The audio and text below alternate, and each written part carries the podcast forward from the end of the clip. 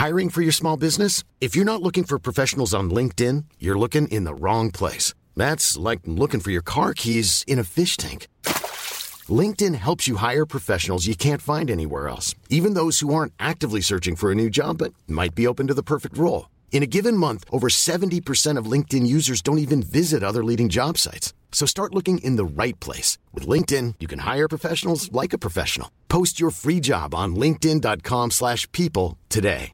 This is Paige, the co-host of Giggly Squad, and I want to tell you about a company that I've been loving, Olive and June. Olive and June gives you everything that you need for a salon quality manicure in one box. And if you break it down, it really comes out to $2 a manicure, which is absolutely insane. It's also so easy to get salon worthy nails at home with Olive and June. The difference between how your nails used to look when you did them yourself and now with the Manny system is a complete game changer. The best thing about Olive and June too is it's a quick dry. Dries in about one minute, lasts for five days, and full coverage in up to one to two coats. Visit oliveandjune.com slash perfectmanny20 for 20% off your first system. That's oliveandjune.com slash perfectmanny20 for 20% off your first system.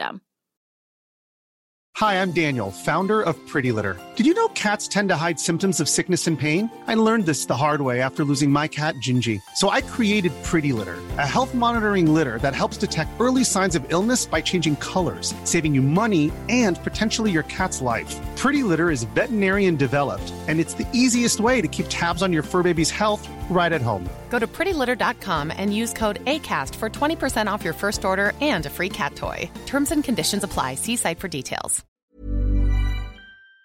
I can discuss some of the psychological aspects of the case. You've got to get a hold of yourself. Now look here, Johnson, I'm going to get to the bottom of this. I can discuss some of the psychological aspects of the case. And you're really crazy, you know that? Oh, yes, I remember that. Is this any concern of yours? Stop, stop, stop it now. I mean er psykolog Sondre Livre her. Diagnosen er dessverre svært alvorlig. Det viser seg at alt du tenker og føler er feil. Du må for all del ikke stole på hjernen din, den lyver. Alt du opplever er filtrert via nevroser fra ubevisste avkroker. Hvis du følger nøye med, er det en liten mulighet for at jeg kan hjelpe deg. I can discuss some of the I can discuss some of the I can discuss some of the psychological aspects of the case. Well, I'm just losing my mind, that's all.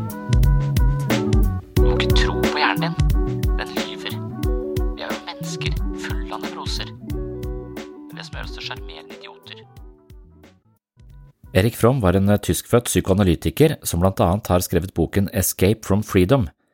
Her kommer han med en rekke skarpe psykologiske forståelser av samfunnet og menneskers tendens til å unnvike smerte og ta ansvar. Han sier for eksempel at trossystemer er metaforiske representasjoner av våre foreldre. Når vi tilskriver en slags autoritet til en idé, frigjør den oss fra ansvar, noe som er utrolig forførende. Det indre barnet i oss alle lengter etter assistanse, støtte, omsorg, og som barn baserer vi oss på at foreldre besørger dette og gir oss de forklaringene vi trenger. Denne dynamikken ligger også som et ubevisst ønske hos voksne, noe som gjør oss sårbare for ideer presentert av metaforiske foreldrerepresentasjoner, og vår tilbøyelighet til å koble ut egen kritisk tankegang er nærliggende, samtidig som et latent ønske om å bli ivaretatt og slippe for ansvar lurer i skyggen av vår bevissthet. Dette gjør oss sårbare for å avskrive eget ansvar og droppe kritisk tenkning til fordel for å hvile i autoritetenes meninger og prosjekter. Her finner man en ganske psykologisk forklaring på hvorfor mennesker blant annet henfaller til konspirasjonsteorier. Escape from Freedom er rett og slett en skrekkinnjagende psykoanalyse av menneskers tendens til å fraskrive seg ansvar, og det inkluderer ansvaret vi har for å vurdere hva som er sant og ikke sant.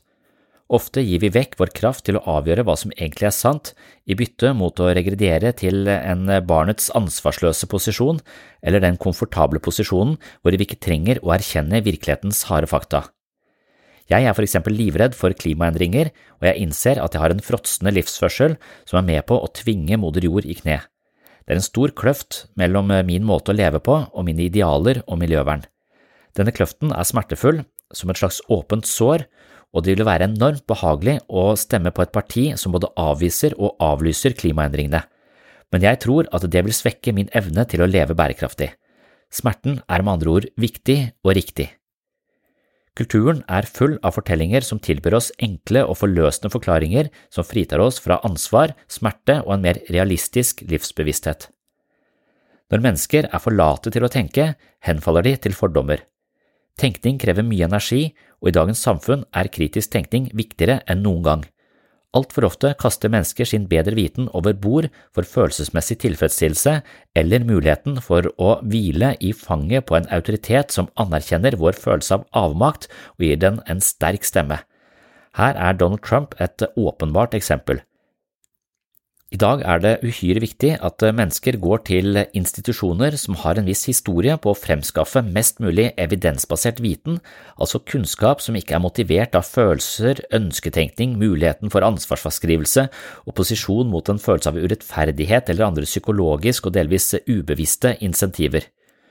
Universiteter representerer nettopp institusjoner som har lang erfaring med kontrollerte studier som nettopp sikter på å fremskaffe kunnskap som ikke er besudlet av de sterke psykologiske kreftene i mennesker og kulturer. Evnen til å tenke klart og kritisk kan forstyrres ganske ettertrykkelig av traumer og vanskelige oppvekstvilkår. Istedenfor at traumer aktiverer denne sunne formen for skeptisisme og analytisk tankevirksomhet, virker det som om traumer installerer en enorm mistillit til seg selv og egen vurderingsevne, noe som gjør mennesker med traumer i bagasjen sårbare for autoriteter i en nesten desperat jakt etter omsorg, støtte og noen som viser vei. Og gjerne noen som viser vei på en måte hvor de uttrykker stor mistillit til en gruppe, dette gir da gjenklang i den traumatisertes egen mistillit, samtidig som de foreslår forklaringer og perspektiver på en måte som gir tiltro til at denne alternative autoriteten kan avsløre urettferdigheten og tilby en frelsende løsning og en forløsning på tilhengernes problemer. Igjen er Trump et åpenbart eksempel på denne dynamikken i veldig stor skala. Mennesker som er traumatisert, blir ofte fremmedgjorte for sine instinkter, fordi personer som egentlig skulle tatt vare på dem, eksempelvis foreldre, lærere eller andre autoritetspersoner, bidrar med en virkelighetsoppfattelse som er falsk. Men det er ikke til barnets fordel å opponere mot de falske perspektivene. Barnet tør rett og slett ikke å motsi overmakten, hvorpå de isteden forlater sine iboende instinkter for å henfalle til de mektige overformyndernes perspektiver. Når det blir en vane for å overleve, kan de henfalle til den samme typen forfalskning av virkeligheten på et senere tidspunkt på grunn av den store avstanden til sine bedre instinkter og kapasitet for logisk analyse. Hvis vi ikke kan lytte til våre instinkter, er vi ille ute. Vi risikerer å overhøre egen frykt og havne i farlige situasjoner. Andre ganger har vi for mye frykt i situasjoner som ikke er farlige. Problemet blir at man ikke klarer å tenke klart og fornuftig rundt egne følelsesmessige responser. Noen ganger blir viktige følelser ignorert, mens andre følelser blir eh, overdimensjonert. Noen ganger begynner man å endre sin oppfattelse av virkeligheten for at egne følelser skal få legitimitet og virke tilpasset. Hvis man er livredd for eh, verden og føler seg kronisk svikta av først foreldre og deretter samfunnet, kan denne underliggende frykten og mistilliten være legitimert i konspirasjonsteorier som QAnon, hvor tanken er at myndigheter er pedofile firfisler forkledd som mennesker fra en annen planet som voldtar barn og drikker blod. Pedofili er en gjenganger i denne typen konspirasjonsteorier, og trolig kan det speile tilhengernes manglende følelse av trygghet og ivaretagelse gjennom oppveksten. I dagens episode skal jeg snakke om muligheten for å forstå virkeligheten på en så nyansert måte som mulig, og jeg vil ha Erik Froms psykoanalytiske teorier som bakteppe. Jeg vil også ha i mente at eh, når jeg snakker om eh, dette her sånn, så vil jeg ofte møte ganske mye motstand. Det er som om eh, noen som har ganske bestemte oppfatninger og mener å vite mye om en tilstand, kan føle seg litt angrepet dersom jeg forfekter at det finnes flere innfallsvinkler og forståelsesmodeller som kan kaste lys over den tilstanden de mener å ha en form for ekspertise på, da, eller egenerfart ekspertise. Det forstår jeg, og jeg merker også at jeg kan eh, være provoserende, eller i hvert fall oppfattes eh, provoserende, når jeg snakker om disse ulike perspektivene på livets eh, utfordringer. Men jeg tror likevel det er utrolig viktig å hele tiden jage flere perspektiver som kan kaste mer lys over den situasjonen vi er i, for jeg tror det å være menneske er så inn i granskauen komplekst at enkle forklaringsmodeller ofte vil binde oss fast, på sett og vis, føre til en type stagnasjon, og i verste fall da ikke gi oss de redskapene og de mulighetene vi har, altså de vil ikke gjøre tilgjengelig de mulighetene vi faktisk har til å forandre situasjonen, fordi de ligger eh, utenfor eh, horisonten vår, på sett og vis. Så lenge vi forstår et problem på en ganske snever måte, så vil også ofte løsningsforslagene være av samme kaliber, altså for snevre til å virkelig kunne løfte oss ut av en eh, vanskelig situasjon. Og jeg vil innlede med en artikkel som jeg fant på psykologisk.no, og der er det spørsmålet vil personer med depresjon være mer eh, sårbare for feilinformasjon om eh, covid-vaksine. Og det er nettopp eh, studier av den typen som viser sammenhenger mellom sinnsstemningen vår og vår evne til å tolke informasjon kanskje sammenhenger mellom vår evne til å tolke informasjon og hva vi spiser, hvor mye vi trener, hvor mange mennesker vi omgås, hva slags mennesker vi omgås, hva slags kultur vi lever i, hvor mye mistillit vi har til autoriteter, etc., etc. Så det er en myriade av faktorer som spiller opp til et symptombilde, eller som spiller opp til en bestemt måte å forstå verden på, og hvis vi klarer å avsløre noen av disse sammenhengene, så blir vi litt mer velinformerte med hensyn til hvordan hjernen tar beslutninger og forvalter livet vårt, rett og slett, eller hvordan vi skrur sammen alle opplevelsene våre av det livet vi har. Så jeg vil bare kort innom denne artikkelen eh, som da handler om eh, depresjon og det å være tilbøyelig til å tro på feilinformasjon om for eksempel covid-vaksine. Depresjon det er en av de mest utbredte psykiske lidelsene som finnes. Det anslås at eh, mellom 6 og 12 prosent av befolkningen har depresjon til enhver tid, og tilstanden kjennetegnes av eh, nedstemthet, selvfølgelig, tap av lyst og interesse, av søvn- og appetittforstyrrelser og redusert energi. Depresjon kan òg føre til et pessimistisk eller negativt syn på omverdenen og fremtiden, kjent som negativitetsbias. Og det her det fikk en rekke forskere ved General Hospital til å lure. Er det slik at denne negativitetsbiasen gjør personer med depresjon mer mottakelige for feilinformasjon om covid-vaksinen? Og For å undersøke problemstillingen sendte forskerne ut spørreskjema til 50 eh, amerikanske delstater.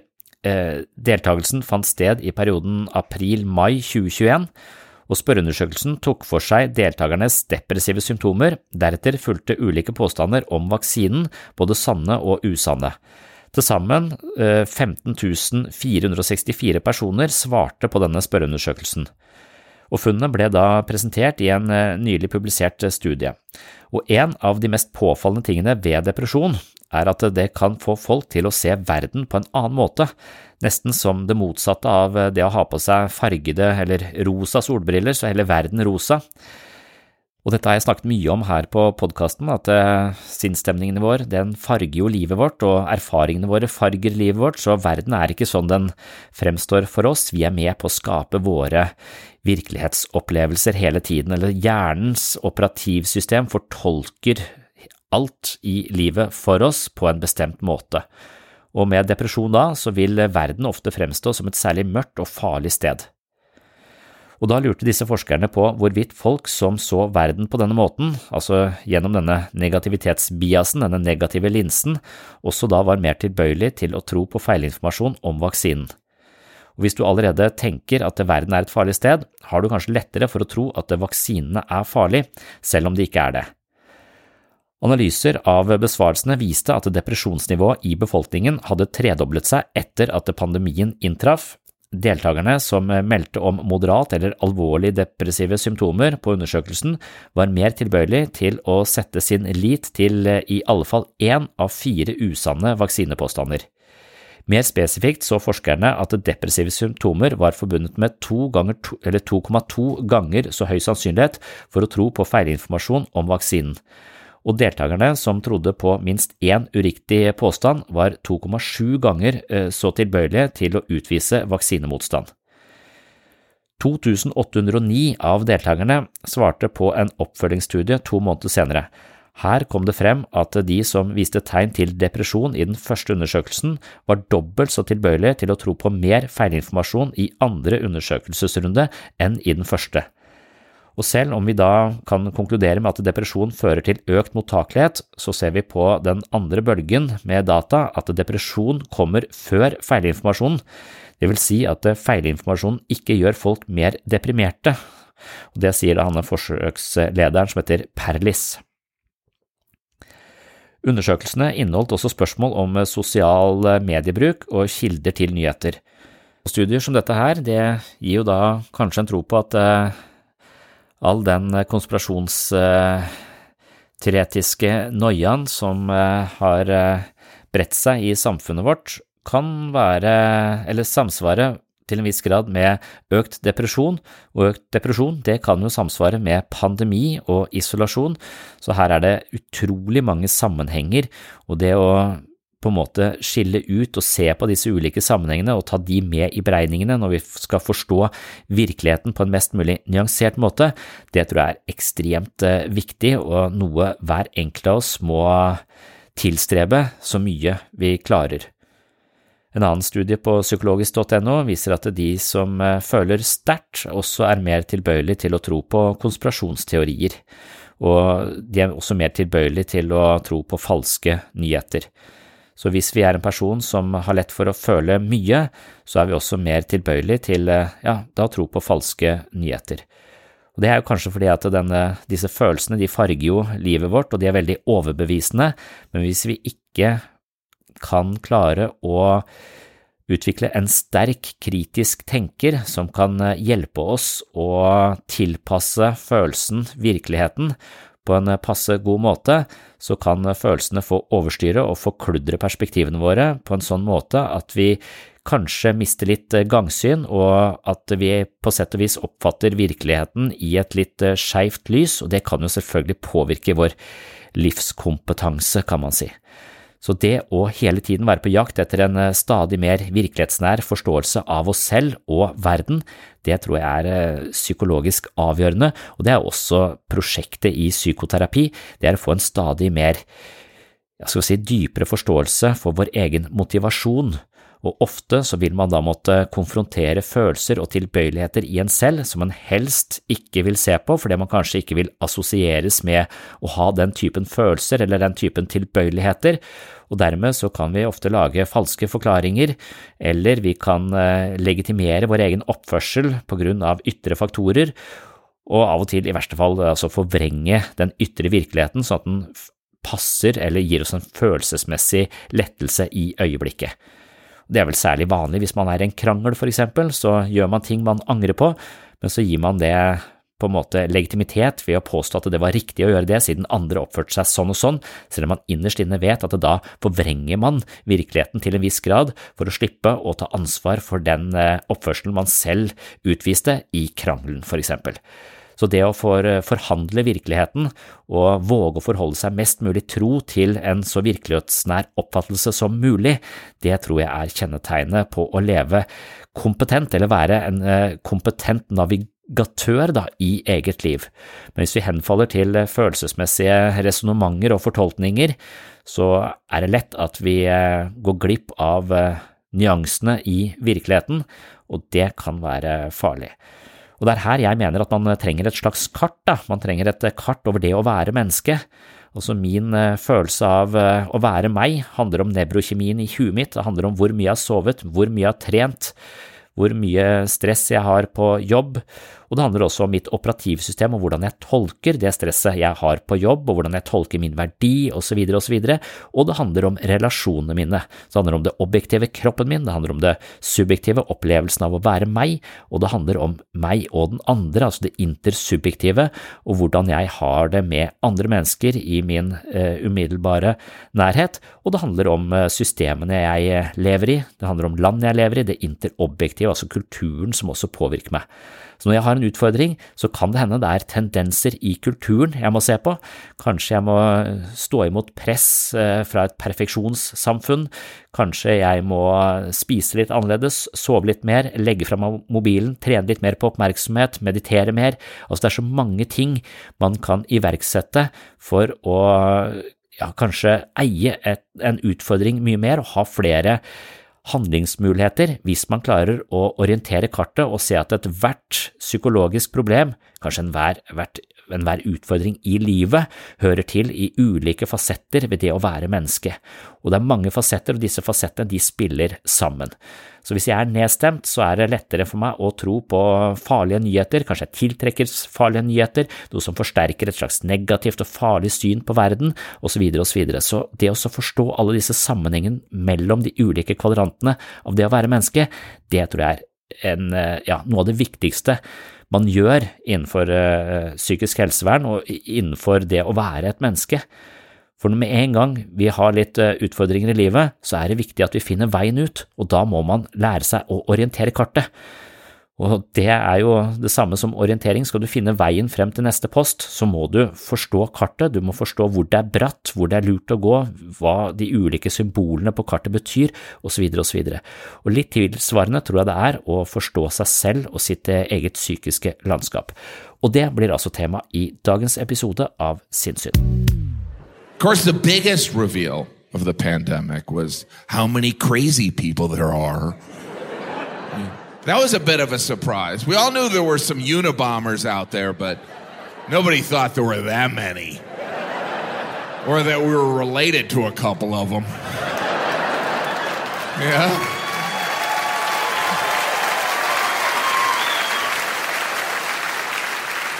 Because everyone had that relative or friend that came out as bonkers. I no longer believe in reality. Good to know. It was like a gender reveal for insanity. The truth is no longer true. See at Thanksgiving. I feel like it happened for me more often because I've always had friends that are eccentric thinkers, and they're normally really entertaining. They're like, Bigfoot's real, man. Bigfoot is real. But that same person at one point during the pandemic was like, Tom Hanks eats babies. Don't say that. Tom Hanks does eat babies, and if you don't believe that, then you eat babies. All right. Tom Hanks eats babies. He always seemed like a baby eater to me. Jeg syns på mange måter den tematikken eh, som det er snakk om i dag, er en av de viktigste. Og jeg tar det opp gang på gang på gang på gang. Blir liksom aldri ferdig med det. Og så har jeg egentlig sånn lyst til å si det på en måte som eh, gir gjenklang, og som betyr noe. Og så får jeg ikke det helt til. Så i natt hadde jeg mareritt. Og jeg var i et slags ganske kjent hus. Vi snakket om å være fanget i et hus. Hvis du, hvis du er et mareritt og ikke Jeg pleier å forstå at jeg drømmer, men jeg forsto liksom ikke at jeg drømte. Så jeg ble mer redd enn jeg pleier å bli. Var liksom fanga i dette, dette huset. Og det var noen som skulle inn og sannsynligvis enten drepe meg eller eh, banke meg opp. Og jeg tror det er fordi jeg uttaler meg frekt om f.eks. ADHD. Og det er akkurat det. Altså jeg, prøver, jeg, jeg tror at jeg har en sånn derre Men vi må se litt breiere på dette. Jeg, jeg tror at, at, perspektivene som gir mer bredde, er viktige. Men jeg klarer ikke å formidle det på en måte som ikke er krenkende. Det, så, så, jeg tror jeg har vært sånn, ganske sånn krenkende overfor folk. Eller, men mange sier det ikke, da. Jeg bare tror at de blir eh, fornærma. For det på en måte undergraver en eller annen forståelse av et problem. Og så jeg egentlig, vil jeg egentlig ikke undergrave det, men jeg vil, eh, vil, bare si at det kanskje det er flere årsaker som vi også er nødt til å se på. Det er liksom det som er hovedessensen her. Jeg har en tendens til å nærmest ikke tro på psykisk lidelse. Altså, jeg tror på dårlig kondisjon. På samme måte så tror jeg på psykisk lidelse. Jeg tror hjernen er såpass plastisk at det er mulig å eh, trene den opp sånn at den fungerer mer optimalt. Og vi kaller ikke dårlig kondisjon en sykdom. Vi kaller det dårlig tren. Nei, jeg mm, tenker at det, psykisk sykdom heller ikke eksisterer, da. Jeg tenker at det eksisterer i den forstand at vi har eh, noen genetiske disposisjoner som borger for måten vi tenker på og føler på, og sånn at det kan være forskjeller. Og at uh, noen har uh, forskjeller som er vanskelig å utjevne. Men det vil også være på resten av alle andre egenskaper. Noen har ikke estetisk sans, noen uh, har ikke motoriske ferdigheter og kan aldri komme på landslaget i fotball. Men de kan kanskje trene seg opp til å bli ganske bra. Sånn at, det, sånn at alle har mer eller mindre gode forutsetninger på ulike områder. Og så må vi trene tilsvarende mye dersom det ikke, dersom vi ikke når helt opp. da. Og det er det jeg liksom tenker at vi må, må, se på. Og se på at det også finnes ulike intelligenser. altså Med, med sånn Claire Graves idé om at det finnes sju ulike intelligenser.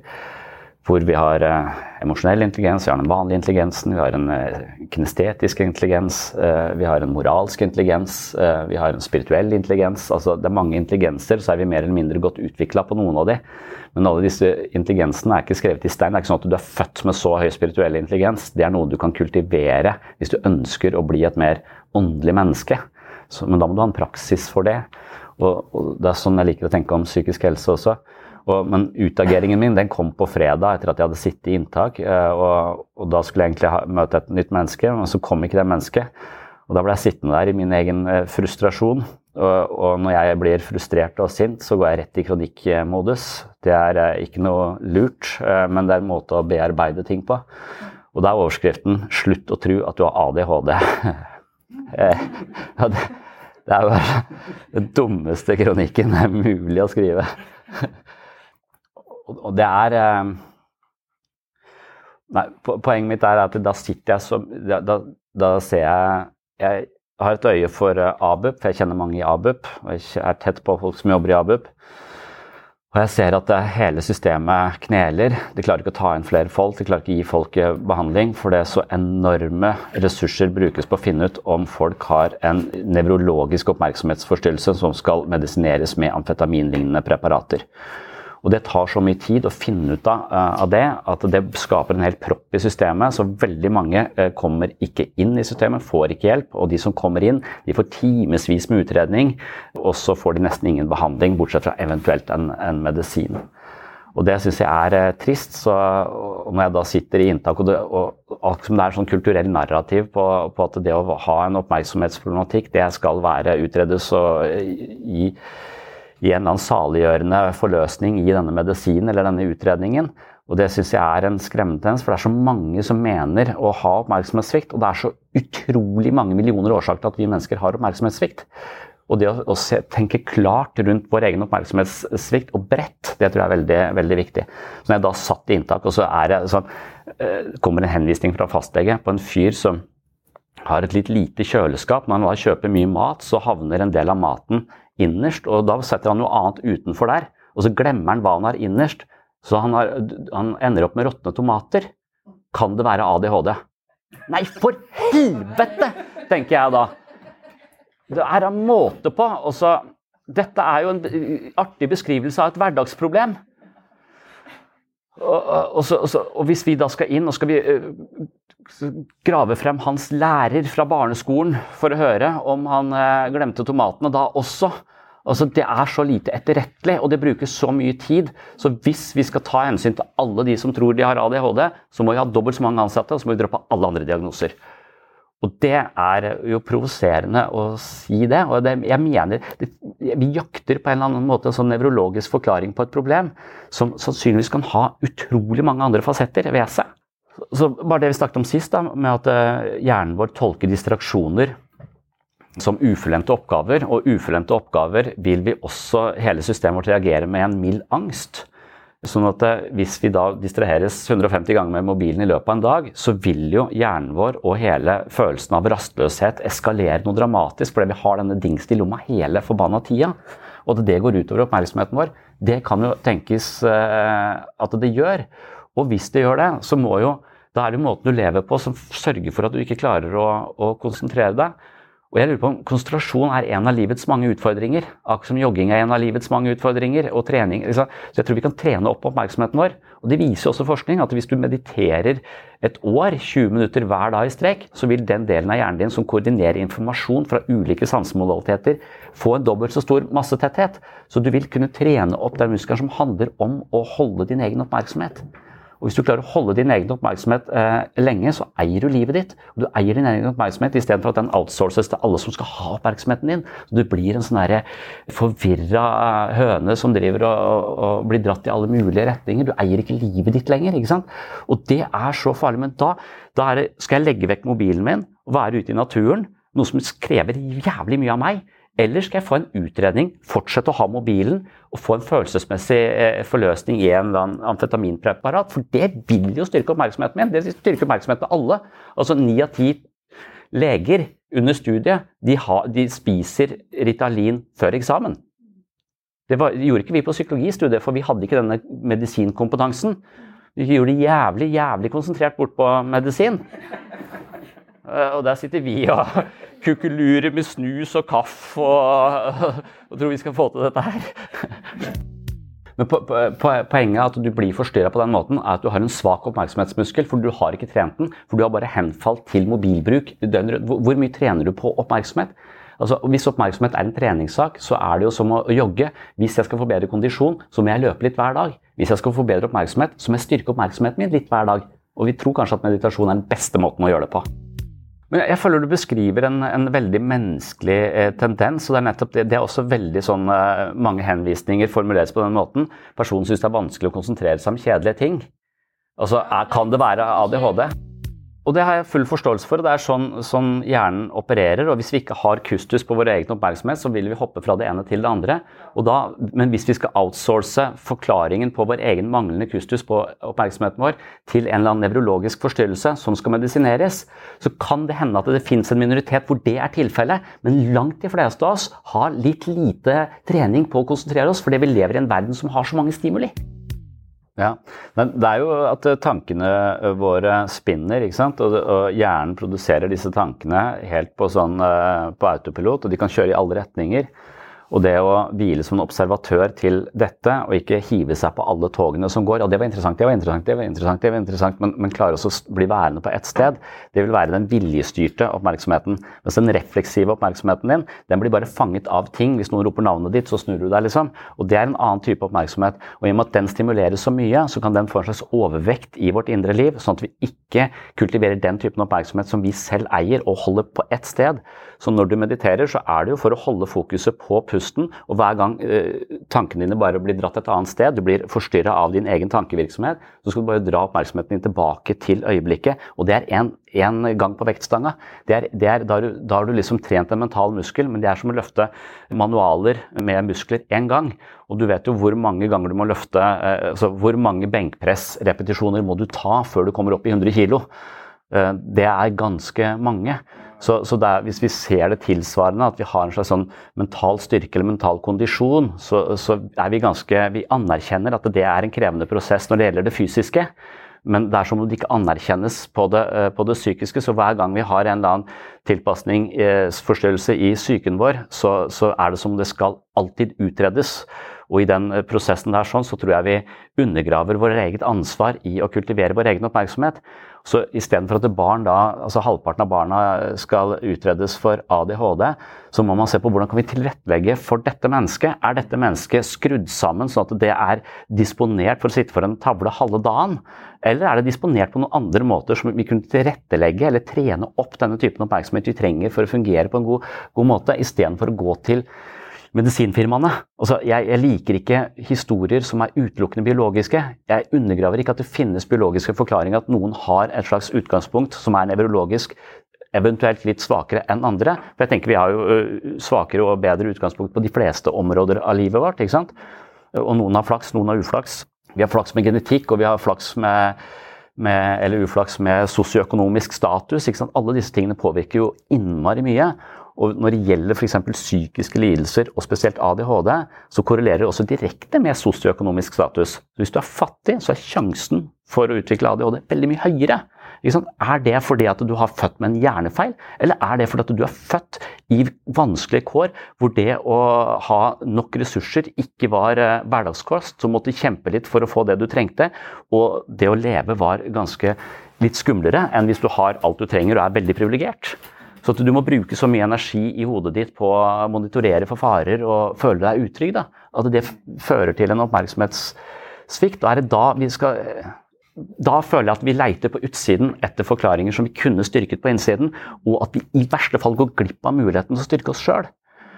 Og Det er det narrativet jeg vil ha ut i verden. At det, er greit nok, jeg skal ikke tråkke ADHD på, på tærne og si at det ikke fins. For det kan godt hende det fins, men det fins ikke i så stor grad. Altså, det fins sannsynligvis også veldig mange ting vi kan gjøre på egen hånd for å, å stange dette her, men det er jævla mye tyngre. Og det jeg egentlig ville snakke om, det er jo disse ulike kvadrantene, men det er også noe av det du er inne på at jeg, jeg har lyst til å lure på.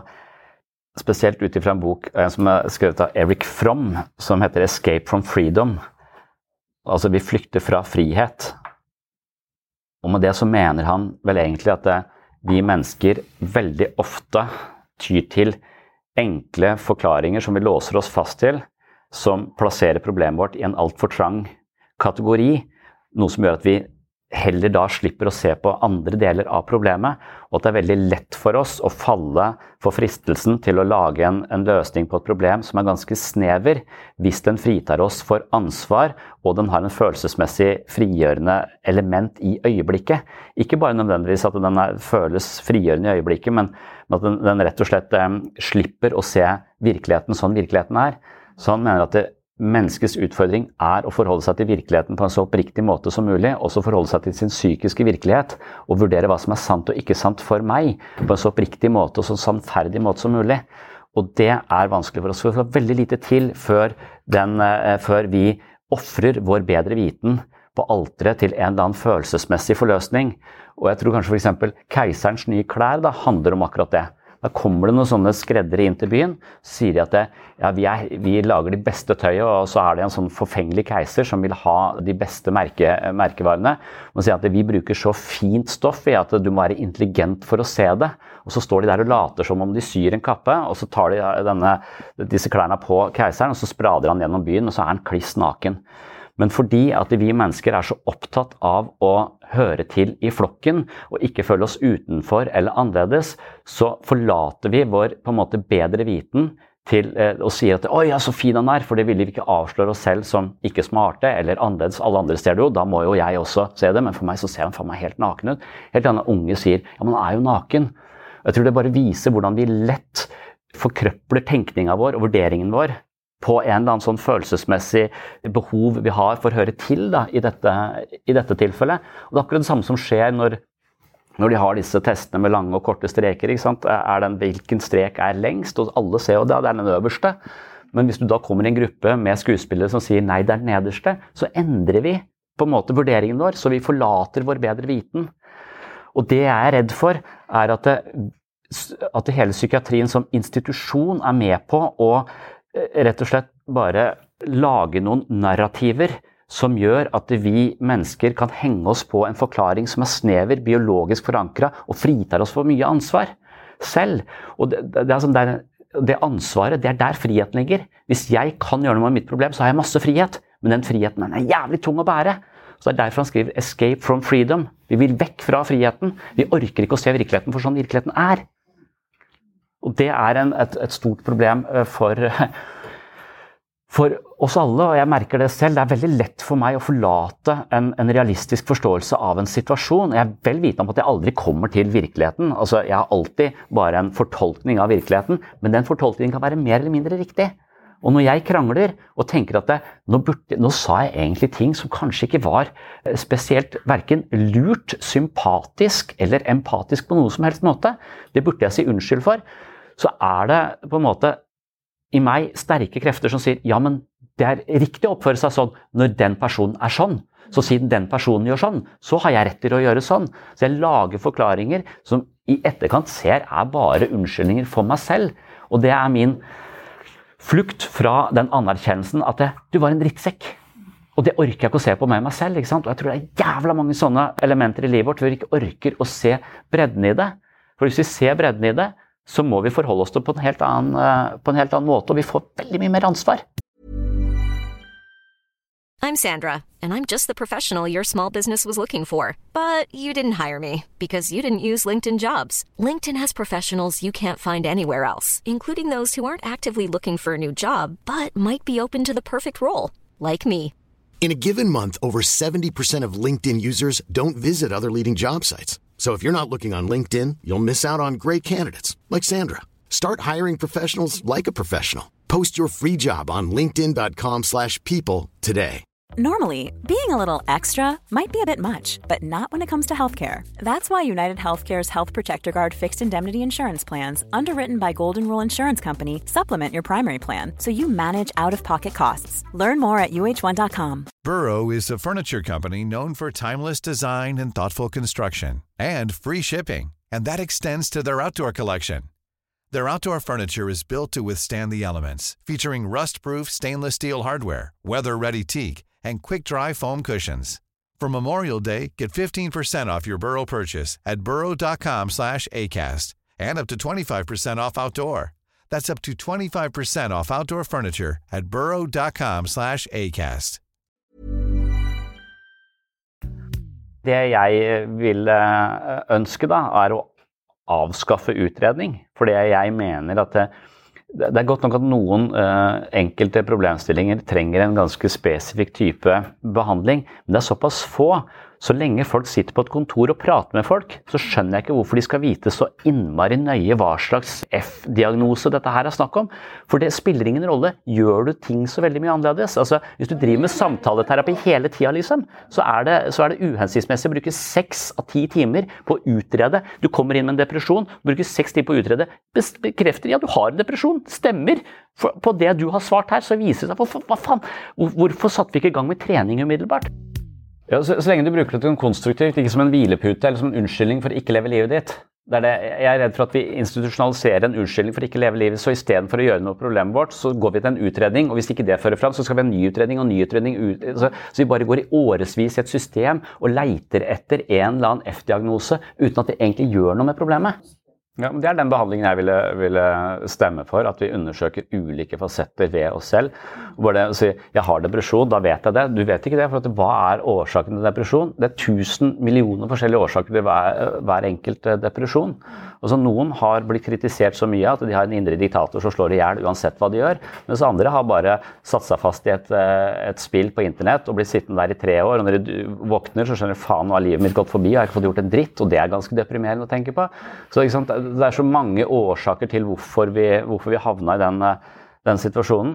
Og det å se alle disse kvadrantene, at vi har, en, vi har en kropp, vi har en syke, vi har en intersubjektivt element, det er meg og den andre.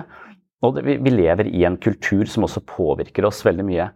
Og, og Noe av det som jeg tenkte på denne gangen, er at det, hvordan hører disse kvadrantene sammen? Hva er min fysiske helse? Hvordan hører den sammen med min psykiske helse og mine relasjoner? Og når, det har vi snakket om før, men jeg syns det er dramatisk å dykke ned i ensomhet igjen. Altså det å ikke klare å ha en, et forhold til et annet menneske som kan virke som en bærebjelke i livet ditt. Du kan kanskje kjenne dem, men de, de, har ikke Kanskje du er så redd at de ikke tør å ha folk komme tett på. Så vil du uansett være ensom du, selv om du er sammen med andre. Og ensomhet, altså. Det er sånn altså, de snakker om en, en, ensom altså Ensomme mennesker kan kanskje virke litt sånn tilbakelente, rolige og stillferdige og sånn, men ensomme kropper er på veldig høyt stressnivå nesten hele tiden. For det å være aleine i verden er så jævlig farlig for oss som art. Så ensomhet det øker kortisolnivået noe dramatisk, og det går ikke ned heller, så du lever med et forhøya kortisolnivå. Noe som gjør at kolesterolnivået ditt øker. Så, så det er sånn Altså, når ensomme kropper det, det også, det, Og når du da er i en sånn faresituasjon over så lenge, for du opplever ensomhet som farlig, selv om du ikke bevisst opplever det som farlig, så vil kroppen din oppleve det som farlig. Og da vil du også øke produksjonen av hvite blodlegemer og betennelse. Og det er bra når vi liksom er altså, er stressa og skal prestere på en eksamen, eller sånt, så er det bra å ha den der. Men når den går over lang tid, så vil den typen betennelse bli kronisk i kroppen din. Og da, da står det immunforsvaret er overarbeida og fungerer dårlig. Så blir kroppen ømfintlig for andre sykdommer som den vanligvis ville vært bedre i stand til å bekjempe. Og da står det hvis du er ensom, så har du 29% høyere risiko for hjerteinfarkt. 32% høyere risiko for slag. 64% høyere risiko for å utvikle klinisk demens. Og Hvis du føler deg ensom eller er sosialt isolert, er risikoen for at du skal dø en for tidlig død nesten 30% høyere enn ellers. Og så har vi en pandemi. Folk vil oppleve denne typen isolasjon, fravær av andre mennesker, på en måte som i opplevelsen vil være depressiv. De vil få diagnosen depresjon. Men hvis vi da tenker at depresjon skal behandles med samtaleterapi, så du skal komme på mitt kontor hver 14. dag, altså én time Mens greia er at du må koble deg på fellesskapet, du må ha relasjoner. Det kan godt være at problemet ditt er å skape relasjoner. Da må du i gruppeterapi og undersøke det. Vi må, vi må tenke klart rundt en depresjon, og en depresjon er forskjellig fra person til person. Og det er sammenheng mellom det er faktisk sammenheng, Hvis du er ensom i ung alder, altså på barneskole og ungdomsskole, så er sjansen for at du tjener mye mindre, har en mye lavere inntekt, mye høyere i voksen alder. Og hvis du er ensom i barneåra, så er sjansen for å utvikle kreft dramatisk høyere i voksen alder. Der er det også en klar sammenheng. Så, så, Psyken og det fysiske og måten vi lever på, relasjonene våre, alt dette her henger sånn sammen. ikke sant? Så Det låser seg fast i én type forklaring på noe. Det virker, det virker så enkelt. Det er litt sånn som det psykiske forsvaret, svart-hvitt-tenkning. Det er det det er, og så er det ikke det. Og da har vi kontroll på problemet. Da vet vi, altså Her er problemet mitt. Det er nevrologisk skade. Da forsømmer du så mye kritisk tenkning om ditt eget liv at du kommer ikke til å klare du, du, du, Når vi på en måte ikke ser virkeligheten sånn virkeligheten er, men hyller oss inn i en av forestillingene om at det er dette som er forklaringen, så mister vi livskompetanse. Vi blir inkompetente til å leve et liv. Og det er farlig. Jeg tror ikke nødvendigvis det har så mye å si, for vi er, eh, uansett om vi er introverte eller ekstroverte, så har vi behov for andre mennesker. Og jeg tror noe av det, det, det vi snakket om sist gang, så syns jeg forskning på kjærlighet er interessant. Hva er kjærlighet for noe? Og det, det tror jeg jeg sa her, men det, men det er dette med at kjærlighet er rett og slett at du i deg selv ikke bare er deg selv, men du er også en annen. Så integrert den andre mennesket i livet ditt, som enten er en søster, en bror, en mor og far, en partner, en veldig veldig nær venn. Altså at det finnes noen mennesker som du har integrert inn i ditt indre liv, sånn at de bor der. Selv om, så når de ikke er til stede, så er de der likevel. Så du er aldri aleine. De mente jo dette med kjærlighet var disse lappene hvor de sa dette er eh, dette Du skulle bare få masse sånne lapper hvor det sto ting. og skulle legge 'ikke meg' eller 'meg'. Og så får du sånne hvor du er født hen. og så Født i Baltimore, det er ikke meg. Født i eh, Oslo, ikke meg. Født i Tønsberg, meg. Og når du da fikk en lapp hvor det sto 'født der eh, partneren din var født', f.eks., så nøler man. Så må man tenke seg om før man legger en Ja, det er ikke meg, for det er partneren min. Men du har likevel nesten en følelse at det er meg. Og da har du et menneske så tett på at det er integrert i nervesystemet ditt på, på sett og vis. Og det tror jeg er det motsatte av ensomhet. Men jeg tror fortsatt du kan ha masse venner, men hvis ingen av de er integrert i nervesystemet ditt, ingen du kan virkelig stole på og har inni deg som en, som en solid relasjon, så kan du være ensom blant mennesker, og du vil fortsatt ha, leve i en ensom kropp som lever på en altfor høy alarmberedskap. Og da må du se på hva er det jeg kan gjøre for å integrere mennesker i livet mitt på en mer åpen, åpen måte. Og Det er et mye mye, mye, mye mer diffust problem, eller en mye mer diffus utfordring, mye komplisert utfordring, enn å tenke at eh, jeg kan bare få noen medisiner for depresjonen, så, så blir jeg litt eh, bedre. Så Når man da skal forstå sant, depresjonen, så er det så mange elementer man bør, bør se på. Dette med ensomhet er jo helt eh, dramatisk. og Man kan også kanskje si at vi lever også i en kultur som mangler litt disse store narrativene som vi kan koble oss på. En slags felles identitetsforståelse hvor alle har sine algoritmer som styrer de ulike fortellinger. Så jeg har liksom ikke noe, noe samlende der. Så hele denne kulturelle komponenten fostrer også en slags individualisme og ensomhet, som igjen vil forsterke denne følelsen av å ikke være tilhørig noe sted. Som igjen eh, fører til en opplevelse av depresjon, som igjen påvirker kroppen din til å produsere altfor mye kortisol. Eh. Og så er det dette med eh, en bekjent som heter Kjersti Karoline Danielsen. Hun forsker på UiA, forholdet mellom fysisk aktivitet og psykisk helse. Og hun kan ikke etter sine beste evner forstå hvorfor ikke fysisk aktivitet er obligatorisk for mennesker som sliter med depresjon. For at all hennes forskning og all forskning på verdensbasis viser at fysisk aktivitet for mild til moderat depresjon er bedre og mer potent medisin enn medisiner og samtaleterapi. Det, det, det er bedre enn samtaleterapi. Å trene for depresjon. Depresjon vil ikke at du skal trene. Den prøver å holde deg hjemme og isolere deg osv. Men behandlingen er det motsatte. Så, så, så, da har du enda et element sant, av kulturen. Du har også den fysiske helsa di. Hvis du trener, så vil det påvirke hvordan du opplever ting. Samtidig som det å begynne å trene ofte kobler deg på et fellesskap med andre som trener. Så du kanskje også gjør noe i denne kvadranten som handler om å føle en tilhørighet. Kanskje bli medlem av et eller annet lag eller et eller annet sånt noe, som også hjelper deg i kontakt med, med andre mennesker.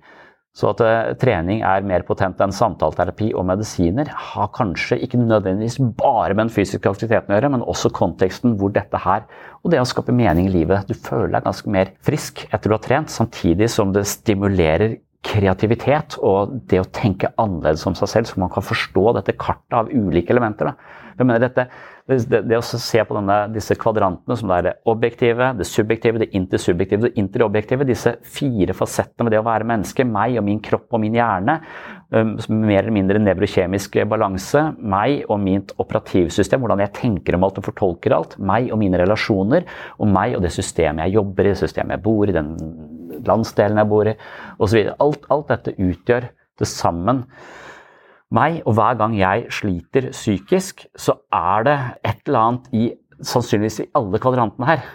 Og da spiller det ikke noen rolle om vi kan finne den riktige F-diagnosen. Det spiller bare en rolle. Hvordan er det med relasjonene dine? Hvordan er det med oppmerksomheten din uh, for tida? Hvor mye er du ute i naturen? Hvor mye er du på telefonen? Snakker du med de du bor sammen med? Jobber du for mye? Altså, det er jo bare å finne Dette er et symptom. Hva faen? Hvilken kvadrant skal jeg inn i og intervenere på meg selv? Hva spiser jeg? Ja, for, for, Da kan vi tilbake til, til Erik Fromm. og Jeg har notert han skriver noe sånn, sånn som at um, altså, trossystemer er metaforiske representasjoner av foreldre.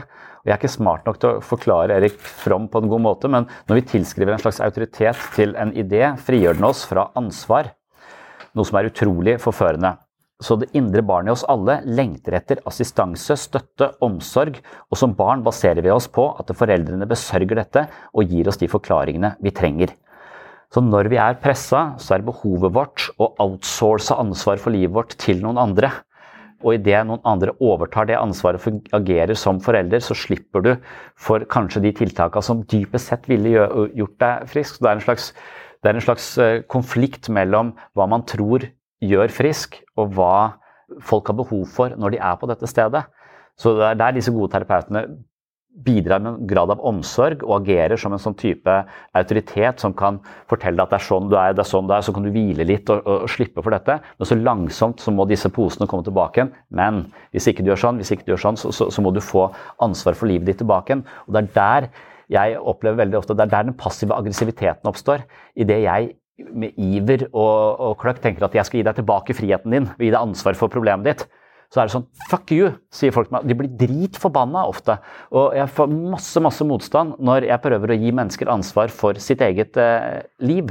Og Da føler man seg ofte svikta, man føler seg avvist, og så, og så slutter de kanskje i, i systemet. Hvis jeg er for ivrig på å delegere ansvaret tilbake, så, så er jeg den sviktende forelderen. Så er jeg nok et eksempel på at ingen har tatt vare på meg det er en sånn dynamikk vi hele tiden må undersøke, men la oss i hvert fall se dynamikken, sånn at vi vet hva vi har, har, å gjøre med. Så kan vi anerkjenne de behovene. Og så tenker jeg når mennesker er traumatiserte, så har de problemer med å se virkeligheten sånn virkeligheten er. For jeg tror at når du vokser opp med mennesker som ikke kan ivareta deg på en god måte, så kan du ikke beholde ditt eget klarsyn på en situasjon. Du er nødt til å kjøpe inn på et annet menneskes perspektiv på verden. For hvis ikke som barn, så kan du ikke opponere mot foreldrenes blikk på verden. Så hvis foreldrene sier at du er udugelig, så er jeg udugelig. og jeg må, det at jeg tenkte at jeg var kompetent, det må jeg bare avvise. Så jeg tror kanskje at mennesker som er traumatiserte, på en måte, har mista kontakten på en måte til sitt egentlige jeg, eller sine urinstinkter. Så dermed så vet de ikke helt hva de vil. Så, så, Dermed så er de ofte bare hylla inn i en annens fantasi, eller at de tenker at for at denne verden skal henge på greip, så er det jeg som er ond. Og de som er gode, selv om foreldrene mine oppfører seg avvisende og bare er irritert meg, så er det fordi jeg er et ondt menneske. Så hvis min følelse av å bli avvist skal liksom henge på greip, så må det være fordi det er jeg som er ond, og de er gode, men de bare oppfører seg sånn fordi det er jeg som er. Så du må, du må forvandle virkeligheten. Du, du, må eh, få en forvrengt virkelighetsoppfattelse, sånn at du føler at du kan leve i denne verden. For hvis du har foreldre som ikke tar vare på deg og et barn, så er du fucked. Men for å ikke være fucked, så kan du være problemet. Da er det litt, be, eh, litt mer forståelig å leve i den verden. For, for, her så mener jeg at Snøhvit og de syv dvergene er et eksempel på akkurat dette. Altså Snøhvit vokser opp med denne eh, stemoren som er forferdelig for, for, forfengelig og vil liksom hele tiden være penere enn Snehvit. Og til slutt så vil hun drepe Snehvit fordi Snehvit blir penere. Og da flykter Snehvit ut i skogen og er litt sånn naiv og, og, og godtroende. Og så flytter hun inn hos de syv dvergene. Og jeg tenker at de syv dvergene de er hennes bedre viten. De er hennes fornuftige tenkning som klarer å se følelsene, hvordan følelsene henger sammen der, hvilke følelser som er relevante, hvordan virkeligheten egentlig fungerer. For de sier til Snehvit ikke åpne opp døra. Og så sier hun ok, greit, jeg skal ikke åpne døra. Så banker det på, og så kikker hun ut. Det er en søt, gammel kone. Men det kan være stemoren din i forkledning, sier disse dvergene. Men så, så, glemmer hun det, for hun har sånn veldig fristende eple, og så åpner det, og så spiser hun dette eplet. Og eple, ikke sant, det er jo Eplet er jo fra Edens hage. Det er da vi skjønte det. Altså det er da vi lærte oss å forstå vår egen posisjon i verden. Det er da vi ble intelligente. på en måte. Det er da vi lærte oss å tenke klart. Men det eplet hun spiser, er forgifta av en annens virkelighetsoppfattelse. Så hun kommer ikke til virkeligheten. Og så lenge hun ikke har god kontakt med virkeligheten, så dør hun. Men hun har dvergene. Og de må vekkes til live, så de dvergene må ikke gå på jobb på dagen. Ja, og jeg, jeg, tror traumene helt klart er, er, sånn Jeg møter så mange mennesker som, eh, som, hvis jeg sier noe, og så kan de ta det ille opp, og så kan vi utlede at jeg ikke mente det på den måten, at det var en misforståelse. Kanskje jeg mente det på den måten, så kan vi snakke om det også, men la oss si det er en misforståelse, da. Jeg mente det godt, men, men de tar det ille opp. Så hjelper det ikke å, forstå det. Det hjelper ikke å forstå misforståelsen, for følelsene mine sier at jeg er et udugelig menneske når du sier sånn. Og følelsene mine de er sannhet, de trumfer alt. Så uansett hvor mye du diskuterer med meg, så har følelsene mine patent på min virkelighetsforståelse. For de vil alltid være rette mot at jeg er et dårlig menneske. Så uansett hva du sier til meg, så vil min følelse fortelle meg dette. Og følelsene de, de er på en måte da dette ekko fra fortiden. Det er denne fantasien som ikke er virkeligheten her. Det er en falsk fortelling om din verdi som menneske. Og når jeg sier noe som faller litt galt igjen hos deg, så bare bekrefter det det verdensbildet. Uansett hvor mye klar tenkning vi gjør rundt det problemet, så vil du ikke stole på den klare tenkningen. Du vil hele tiden opprettholde denne fantasien altså om, om at du er et dårlig menneske. Så det å virkelig utvikle en klartenkt eh, tenkefunksjon i sitt eget indre, det er helt, helt avgjørende for å ikke gå dukken i disse forvrengte virkelighetsoppfattelsene. Så nesten alt psykisk helse handler om å se virkeligheten på en så nyansert og realistisk måte som mulig. Men veldig mye i oss bare ønsker vekk fra den, den, virkeligheten. Og enten fordi at vi har lært å tenke på oss selv som, som udugelige, det er vår virkelighet, og, og, vi orker ikke å endre den virkelighetsforståelsen. Da tolker vi alle andres henvendelser i negativ retning, så dette henger på greip. Eller i mitt vedkommende at det, jeg mener at det, jeg er jævlig bekymra for klima, og jeg tenker at det, måten jeg lever på, det tvinger moder jord i kne. Jeg lever på en sånn Jeg er altfor privilegert. Jeg liksom, jeg lever på en sånn fråtsende måte og tar jorda for gitt. Vel vitende om at det dreper eh, jorda. Og det er en kløft i meg full av smerte. Det er smertefullt for meg å tenke på.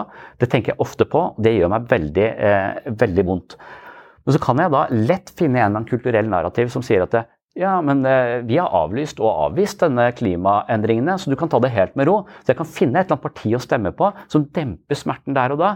Og det vil være virkelighetsfjernt, men jeg, da, da, da, vil jeg ha det mye bedre i øyeblikket. Men jeg vil ikke leve bærekraftig. Min evne til å leve i takt med virkeligheten svekkes fordi jeg kjøper inn på en fortelling som lar meg leve i en fantasi som er følelsesmessig frigjørende for meg. Så det er veldig fristende å stemme et parti som avlyser klimaendringer, men jeg mener at det går utover min bærekraft. Og, og det tenker jeg på psykisk også, at jeg kjøper inn på fortellinger eller mine egne forklaringer om hvorfor jeg gjør sånne ting. Noe som svekker livskompetansen min. da. Men gi meg en forløsning i øyeblikket, eller la meg opprettholde den ideen jeg allerede har. For det er sånn at vi mennesker nesten av og til endrer virkeligheten for å beholde en følelse vi har. Så Hvis jeg ser på meg selv som, som udugelig, så, så, vil jeg endre andres Eller la oss si sjalusi. da, At jeg tenker at det, jeg er ikke verdt å elske dypest sett. For det har jeg aldri fått noe bevis for. Og for at den følelsen skal ha legitimitet, så må du være en person som avviser meg eller er utro mot meg. Så du hele tiden søker hvor har du vært, hva har du gjort? Og så Du driver og presser den andre til å, til å forsvare seg, og til slutt så blir den andre i forsvarsposisjon. Men 'Jeg har ikke truffet noen.' Til slutt så begynner den andre å ljuge for deg. Til slutt så orker ikke den andre å leve med deg mer, sånn at den går ut og er utro. Og du får bekrefta din fantasi om at du er en person som blir avvist, og det virkeliggjøres.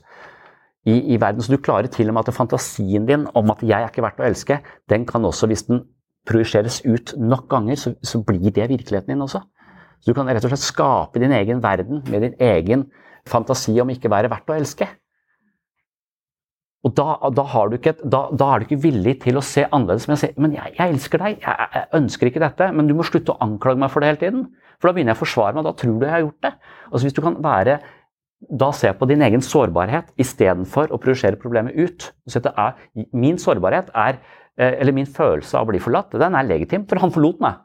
Ja, bevis for det. Ja, du skaper bevis hele tiden, så du kan slippe å tenke annerledes om deg selv. Og se hvor kommer den følelsen fra. Det, kommer derfor, det er jævlig komplisert å ta inn over seg og endre sine egne modeller av seg selv og sin forståelse av virkeligheten. Det er mye lettere å tilpasse virkeligheten sine modeller.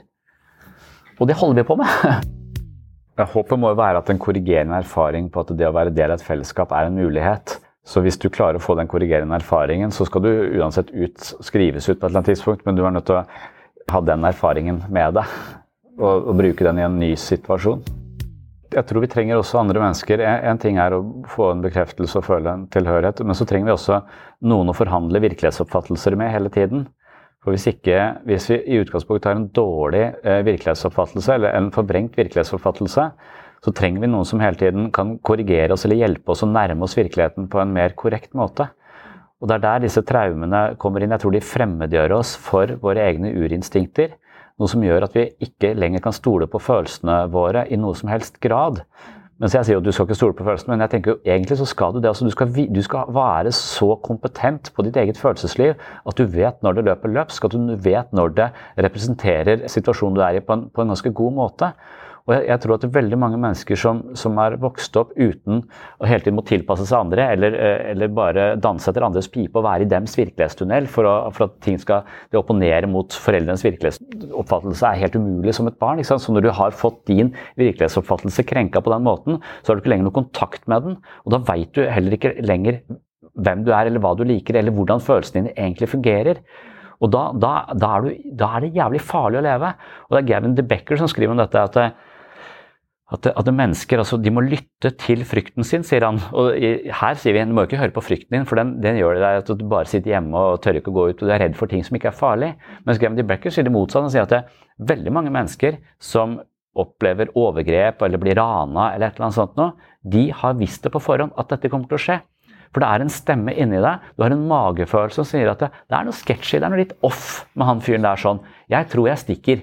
Og, og så er en dame som, som, som kommer hjem fra butikken, har tunge poser, og så kommer det en fyr og spør skal hjelpe deg å bære. Ja, det er jo hyggelig, det. Og, og så hjelper vi å bære, og så kommer vi til trappa og sier ja, her kan jeg ta det. Nei, jeg kan hjelpe deg opp trappa. Så går de opp trappa, og så ja, ok, takk. Nei, jeg kan hjelpe deg inn på kjøkkenet, det er så tungt, dette her. Og, men det er en stemme inni henne som sier nei, det er ikke greit. Men pga. at kulturen sier at vi skal ikke være fordomsfulle, vi skal ikke være uhøflige. Så det er mange sånne faktorer eh, som, som, spiller inn, så du tviler på din egen magefølelse der, og du går på kompromiss med den og havner i en jævlig farlig situasjon. Så Hvis du ikke forstår følelsene dine, og når de av og til så sier de at det er farlig å være i denne sosiale settingen, og det er ikke nødvendigvis farlig, da må du også gå i dialog. Du må faen meg skrive en doktorgrad på din egen frykt. Og du må vite ethvert eneste ulike fasett hvordan frykten din fungerer. Hvordan den slår feil, når den er riktig, når skal jeg lytte til den. For å ha den som et viktig kompass. Da. Det er jo følelsene våre som farger livet med mening. Og hvis vi ikke har noe ordentlig kontakt til det, eller de er helt forvirra, så, så vi, er vi i verden uten et kompass. Og vi aner ikke eh, hvilken vei vi skal gå. Ja, og det er der vi ikke kommer utenom. Vi må utvikle en veldig veldig skarp tenker i oss selv. For vi kommer i den situasjonen, jeg kommer i den situasjonen hvor jeg tillegger andre følelser de ikke har. Og hvis ikke de har en sterk tenker, så blir de den følelsen. Hvis ikke de klarer å sortere Ja, men du, du, må ikke basere deg på andre menneskers Du må du bare forvente at andre mennesker kommer til å produsere ting på meg som ikke nødvendigvis hører hjemme. Av og til så ser andre mennesker ting ved meg som hører hjemme. Så av og til skal jeg lytte til dem, av og til skal jeg ikke lytte til dem. Og hvis du lever i et parforhold hvor du hele tiden blir anklaget for noe, eller la oss si vi har alkoholikeren i en familie da, som hele tiden får skylda for alt som er galt i denne familien, og jo mer skyld han får, jo mer drikker han, og da, har, da slipper alle i familien å se på sin investering i dette komplekse problemet som handler om vår familiedynamikk hvor vi har outsourca all problemforståelse til dette alkoholiserte mennesket. Så, så, hvis vi ikke eier noe av dette her selv, altså vi ikke klarer å tenke klart om ting, så er vi veldig veldig ille ute. Og veldig ofte, det var en som sa her om dagen, sa at jeg, jeg, jeg bodde sammen med en dame, eller jeg hadde en kjæreste som hele tiden sa at alt er min skyld. Så når jeg hadde vært sammen med henne, så trodde jeg at alt var min skyld. Så jeg måtte ut blant andre mennesker for å avhjernevaskes, kalte han det. For å bare høre, få noen andre perspektiver. Fordi jeg var så jævla usikker på om jeg var dette dårlige mennesket som dette mennesket oppfattet meg som. Mens jeg ikke egentlig identifiserte hos meg selv. Og av og til så ser andre mennesker ting som er i oss, som vi ikke orker å se på. Det er psykoterapi. Andre ganger så projiserer folk ting over oss som ikke er der, og vi blir det. Og hvis ikke du er en sterk tenker, da, hvis du ikke har noen dverger som bor i huset ditt, som sier 'ikke lukk opp døra nå', der kan du lukke opp. Ikke lukke opp døra. Du må vite når du skal lukke opp døra. Og når det er en heks, og når det er eh, besøk fra naboen. Og hvis naboen din er en heks, så må du flytte. Ja, for Spørsmålet er om du, du, eh, på en måte ønsker en situasjon hvor uh, disse dvergene er noen andre enn deg. At du bare har noen som forteller deg når dette, noen som bekrefter at nei, det er ikke sånn. Altså at du, du trenger en slags uh, fornuftig kommentatorspor på livet ditt. Men hvis du søker det, så det er ingen sånne kommentatorspor på ditt liv. For det første så er det ditt liv, og for det andre så er du Du har friheten over ditt liv hvis du overtar det kommentatorsporet. Denne fornuftige stemmen. Du må eie den. Du må tenke klart rundt de situasjonene hvor du legger deg flat. Hvis du legger deg flat i veldig mange situasjoner, så kan det også være en, en, et slags eh, måte å ikke ta ansvar på og la andre ta, overta ansvaret. Fordi at du ikke på en måte håndterer livet ditt greit, så ansporer det andre til å overta det ansvaret og bli foreldrene dine. Så det er en slags sånn higen etter å få reserveforeldre i voksen alder. Det kan også være en måte å legge seg flat på. Så du må tenke så klart rundt situasjonen du er i som mulig. Du må trene og trene og trene og aldri gi deg på å forstå situasjonen din på en dypere og dypere og dypere måte. Hva er hensikten med å alltid gi etter? Hvor har jeg det fra alltid gi etter? Altså, hva, hva, er gevinsten ved å alltid gi etter? Hva er gevinsten ved å, å, stå opp for meg selv? Hva er faren ved å stå opp for meg selv? Hvis jeg skal bestemme virkeligheten, så har jeg ansvar for virkeligheten også. Hvis jeg legger meg under, så er den andre. Da kan den andre være den slemme, og jeg kan være den snille. Det er derfor vi, eh, vi, outsourcer sånne ting til enklere forklaringer som slipper for den tyngden du snakker om der. Den tyngden der, det gjør oss livskompetente. Hvis vi ikke orker å bære den børen der, sånn, så vil det gi seg utslag på at vi får en dårlig kompasskurs i livet, eller at vi går litt på måfå og havner i, i dårlige situasjoner. Så på en måte kan man si at det er jævla tungt, men på en annen måte kan man si at det er jævlig interessant. For hvis, ikke, hvis livet hadde vært for lett, så hadde det blitt totalt meningsløst. Så det å hele tiden skulle orientere seg i dette landskapet, det er som å orientere. Hvis ikke Du driver ikke orienterer hvis du ikke har noen poster å leite etter. Du leiter etter noe. 'Å, da fant jeg posten.' Det, det er sånn, Vi har et kart over Jeg mener at denne, disse kvadrantene er et kart over livet ditt. Trener du? Trener du på oppmerksomhet? Har du gode relasjoner? Hvordan er det med ditt eget operativsystem? Hvordan er tilbøyeligheten din? Altså, alt dette her er på kartet. Jeg, vet ikke. for det er, det, er, noe med Jeg spiller stigespillet med, med dattera mi. Hun skal spille stigespillet hele tiden. Eller slangespillet, som hun kaller det. For det er slanger som drar oss ned, eller, og stiger som får oss, uh, får oss opp. Så, så, det er ikke som det ligner litt på livet. da, at, eh, at, eh, Det er ganske tilfeldig også om du plutselig kommer til en stige som bare tar deg tre hakk lenger, eller om du møter en slange som bare drar deg rett ned i Det, liksom, det spillet syns jeg er liksom banalt, men på en måte så reflekterer det også livet. Altså, jeg har hørt Magnus Carlsen stadig si at det, det er veldig tilfredsstillende å vinne på en annens tabbe. Eller hvis at du ligger dårlig, du har gjort en tabbe, den andre ikke ser det, og så får du en sånn litt billig seier. Altså Det er deilig å få en billig seier, men jeg vil tenke at det, det må være den derre hardtjobbende, du er klokere, det er du tar de bedre avgjørelsene. Da sier er veldig veldig tilfredsstillende av og til bare få det litt gratis. Så, så det er noe med, med flaks og ikke-flaks. Uh, altså Det er også et element i det, men jeg vil alltid tenke å si at det, det jeg jobber hardt for, det er vel mer verdifullt enn det som kommer lett for meg. Så når man da skorter på noen av disse områdene, oppmerksomhet osv., hvis du da virkelig eier det problemet og begynner å trene oppmerksomhet, tvinger deg selv til å lese en bok en hel time om dagen, hvis du gjør en virkelig innsats og du opparbeider deg sterkere mentale muskler, så vil jeg tenke at den mestringa der sånn, den må være enorm. Det må gi både mening og dybde og alt mulig til, til livet. Så alt det vi alt, alle de utfordringene vi klarer å forsere, de tror jeg gir livet vårt uh, betydning. Dermed så er, har vi jo hinder av en grunn, for hvis det ikke hadde vært noe hinder, så hadde livet blitt jævlig kjedelig. Det hadde blitt ja, så Derfor synes jeg så Stigespillet representerer ikke livet på en absolutt god måte. For det er litt mer som sagt, du kan også legge noen planer som gjør at du kommer bedre ut av det. Og hvis du da eh, er god på de planene og forstår deg selv og leser dette kartet, så er det liksom mer tilfredsstillende enn å bare tilfeldigvis treffe den der posten som er lagt ut av eh, orienteringsklubben. Altså, Jeg fant den ikke fordi jeg hadde jævla flaks, jeg fant den fordi jeg har skjønt dette kartet her. Og vet at der er det bratt. Jeg, jeg vil, eh, så, så det gjør deg livskompetent da, å forstå kartet. Det gjør deg, Du finner fram i verden hvis du forstår kartet. Hvis du forstår dette kartet med subjekt, objekt, intersubjekt og interobjekt, så forstår du kartet over det å være menneske. Og det, Da tenker jeg bruk det. Bruk det istedenfor å lete etter en diagnose. Få, få bare kartet. Her er kartet. Det kan være du har noen evologiske skavanker her sånn. De kan du medisinere, men du kan også styrke de her borte. Og så kan det være at ensomheten din gjør deg så redd på et grunnleggende eksistensielt nivå. At du er nødt til å etablere en eller annen forbindelse som, eh, som kan hjelpe deg å bære dette livet. Og det er mange der ute som trenger en annen til å bære et liv sammen med seg. Så det vil være en vinn-vinn-situasjon. Jeg har bare tenkt, Det tyngste jeg gjør i løpet av en dag, det sier kanskje litt om mitt liv, det er å få barna mine fra kveldsmaten opp på badet og derfra inn i senga. Det er som, Noen ganger så står jeg og tenker det her er faen meg stein umulig. Det, og, da, og, da, har jeg begynt å snakke med sønnen min om det, for det er han som Jeg har tre barn. Han ene har da altså han, Hvis ikke det så tenkte jeg Det der er jo eh, symptomer på ADHD, men det er jo bare symptomer på å være ni år. Og gutt, vet du, når han bare reiser seg, så ser han en sprettball. så gravit, altså Hjernen hans er sånn magnetisk mot alt annet enn å gå opp der. Så bare, liksom sånn, og da begynner jeg å snakke med han. Du, hva er hjernen din holder på med nå? Vi skulle jo egentlig den veien, så gikk du den veien. Hva skjedde oppi det huet ditt? Og da begynner han å le av sin egen hjerne, som overhodet ikke klarer å følge med på dit han skal. Og så ser han og så snakker vi om hjernen hans, og så syns vi det er litt gøy. Og det er et sånn grenseland hvor vi begynner å mobbe hjernen hans, for den får jo ikke, får jo går faen ikke opp trappa, liksom. Men han syns det også er litt morsomt at vi ler av hjernen hans på den måten. Og tenker det er nettopp det vi skal. Da trener vi på den oversikten. Ja, nå skulle jeg egentlig på badet, men jeg driver og så surrer med piano og sprettballer og, og den der eh, iPaden som lå der borte, den plutselig kom tilbake. Vi hadde akkurat skrudd den av! Vi hadde jo akkurat skrudd den vi skulle opp! Frykten min er at folk i den situasjonen der tolker dette barnet som at det er utilpass, har en hjerneskade som må eh, medisineres med amfetamin. For hvis han får amfetamin, så går han rett fra kjøkkenet og opp på badet, og da har vi løst problemet. Og jeg er veldig tilbøyelig til å gi han amfetamin hvis det gjør det så mye lettere å leve mitt liv. Men på den annen side så er jeg litt usikker på bivirkningene der sånn.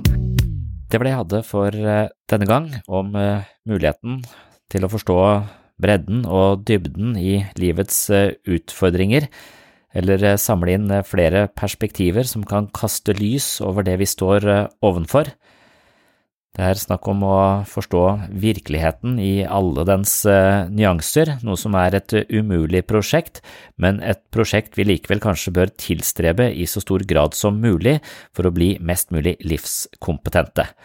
Og da mener jo jeg at det å lære seg å lese kartet Altså kartet over eh, det psykologiske terrenget, eller eh, kartet over det å være menneske, er eh, ganske viktig, akkurat som det å lære seg å lese kart er viktig hvis du er med på 71 grader nord.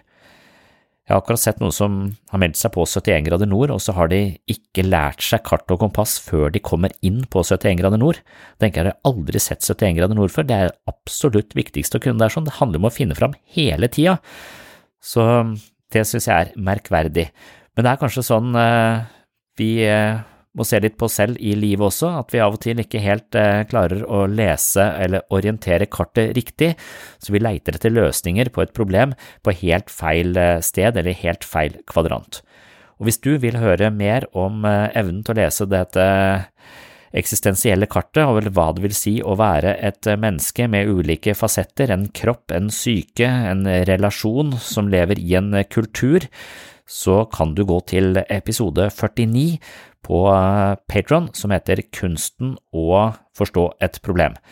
Og det er ikke bare på Patron, det er også på mitt mentale treningsstudio, og der kan du få et abonnement via patron.com sinnssyn, eller du kan eh, tipse sjefen din om at det finnes eh, muligheter for et bedriftsabonnement, hvor du og dine kollegaer kan trene på dette mentale helsestudio som handler om å løfte mentale vekter og da er det uhyre viktig å kunne lese kartet, så det er nesten blant de første tingene man lærer på et eh, mentalt helsestudio, det er å lese kartet. Og dette kartet, det er jo det, egentlig noe jeg har fra vitenskapsteori. Det er altså du har en slags samfunnsvitenskap som handler om eh, relasjoner mellom mennesker og hvordan vi lever og hva slags kultur vi lever i. Og der er eh, det de leiter etter litt annerledes enn i humanvitenskapene, som handler mer om de subjektive aspektene ved det å være et eh, menneske. Hvordan eh, oppleves det å være meg, og hvordan fortolker jeg eh, ny informasjon via mine gamle erfaringer og mitt installerte mentale operativsystem? Og så er det dette operativsystemet er jo da installert i en hjerne som har en nevrokjemi, og da er man jo opptatt av hvor mye kortisol pumpes ut her, hvor høyt er stressnivået mitt, hva spiser jeg, hvor mye sover jeg, osv., osv., alle de kroppslige aspektene ved det å være et menneske. Og til sammen, hvis man leiter litt i alle disse kvadrantene, så finner man helt sikkert ting man kan justere litt på, og hvis man justerer litt i flere kvadranter samtidig, så kan det være at man finner en mye, mye bedre løsning på, av, på livets utfordringer enn hvis man bare leiter i én kvadrant alene. Så mental styrke handler ofte om å kunne lese dette kartet, men så i neste omgang vite hvilke tiltak som er virkningsfulle i hver kvadrant, og hvordan de henger sammen. Og det er eh, det jeg ønsker å bidra med på dette mentale treningsstudio, Sinnsyns mentale treningsstudio. Så hvis du synes det er interessant å løfte mentale vekter, så håper jeg at du nevner det for sjefen din. Hvis ikke du selv er sjefen, så kan man få et bedriftsabonnement, og jeg tror fordelen med det er at du kanskje har da noen kollegaer og noen venner og noen bekjente som kanskje hører de samme episodene, eller gjør de samme øvelsene, for der inne finner du masse øvelser som har til hensikt å sette denne psykologiske teorien ut i praksis, og så kan man dele erfaringer, hvordan man har forstått det, hvordan det har fungert, osv., osv. For det å dra i flokk og ikke bare skulle trene i isolasjon og alene, det har jeg veldig troa på. Så derfor så tilbyr jeg nå et uh, mentalt treningsstudio for bedrifter. Og da kan du, hvis det er aktuelt, henvende deg via webpsykologen.no. Der finner du både e-postadresse og telefonnummer til meg. Du finner også en brosjyre hvor eh, jeg har beskrevet i detalj hva dette mentale treningsstudio innebærer. Så hvis du er privatperson, patron.com for segs sinnssyn. Hvis du er eh, en mulig bedriftskunde, så gå inn på webpsykologen.no. Det var det jeg hadde for denne gang. Håper du henger med i neste episode, og så håper jeg å se deg på mitt mentale treningsstudio. Tjallabais! Oh, I'm just losing my mind, that's all.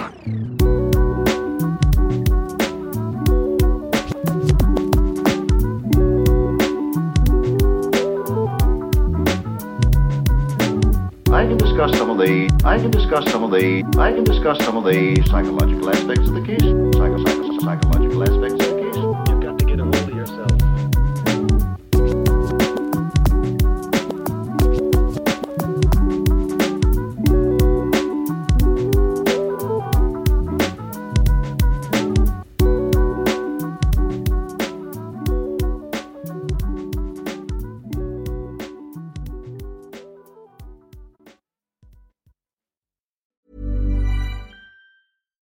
Deserves the best, and there's no better place to shop for Mother's Day than Whole Foods Market. They're your destination for unbeatable savings, from premium gifts to show-stopping flowers and irresistible desserts. Start by saving 33% with Prime on all body care and candles. Then get a 15-stem bunch of tulips for just $9.99 each with Prime. Round out Mom's menu with festive rosé, irresistible berry chantilly cake, and more special treats. Come celebrate Mother's Day at Whole Foods Market. Mom deserves the best, and there's no better place to shop for Mother's Day than Whole Foods Market. They're your destination for unbeatable savings, from premium gifts to show-stopping flowers and irresistible desserts. Start by saving 33% with Prime on all body care and candles. Then get a 15-stem bunch of tulips for just $9.99 each with Prime. Round out Mom's menu with festive rosé, irresistible berry chantilly cake, and more special treats. Come celebrate Mother's Day at Whole Foods Market.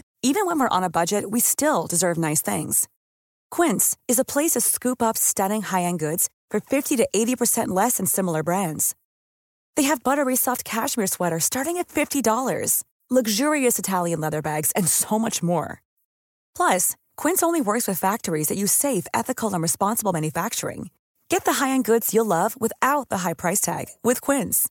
Go to quince.com/style for free shipping and 365-day returns.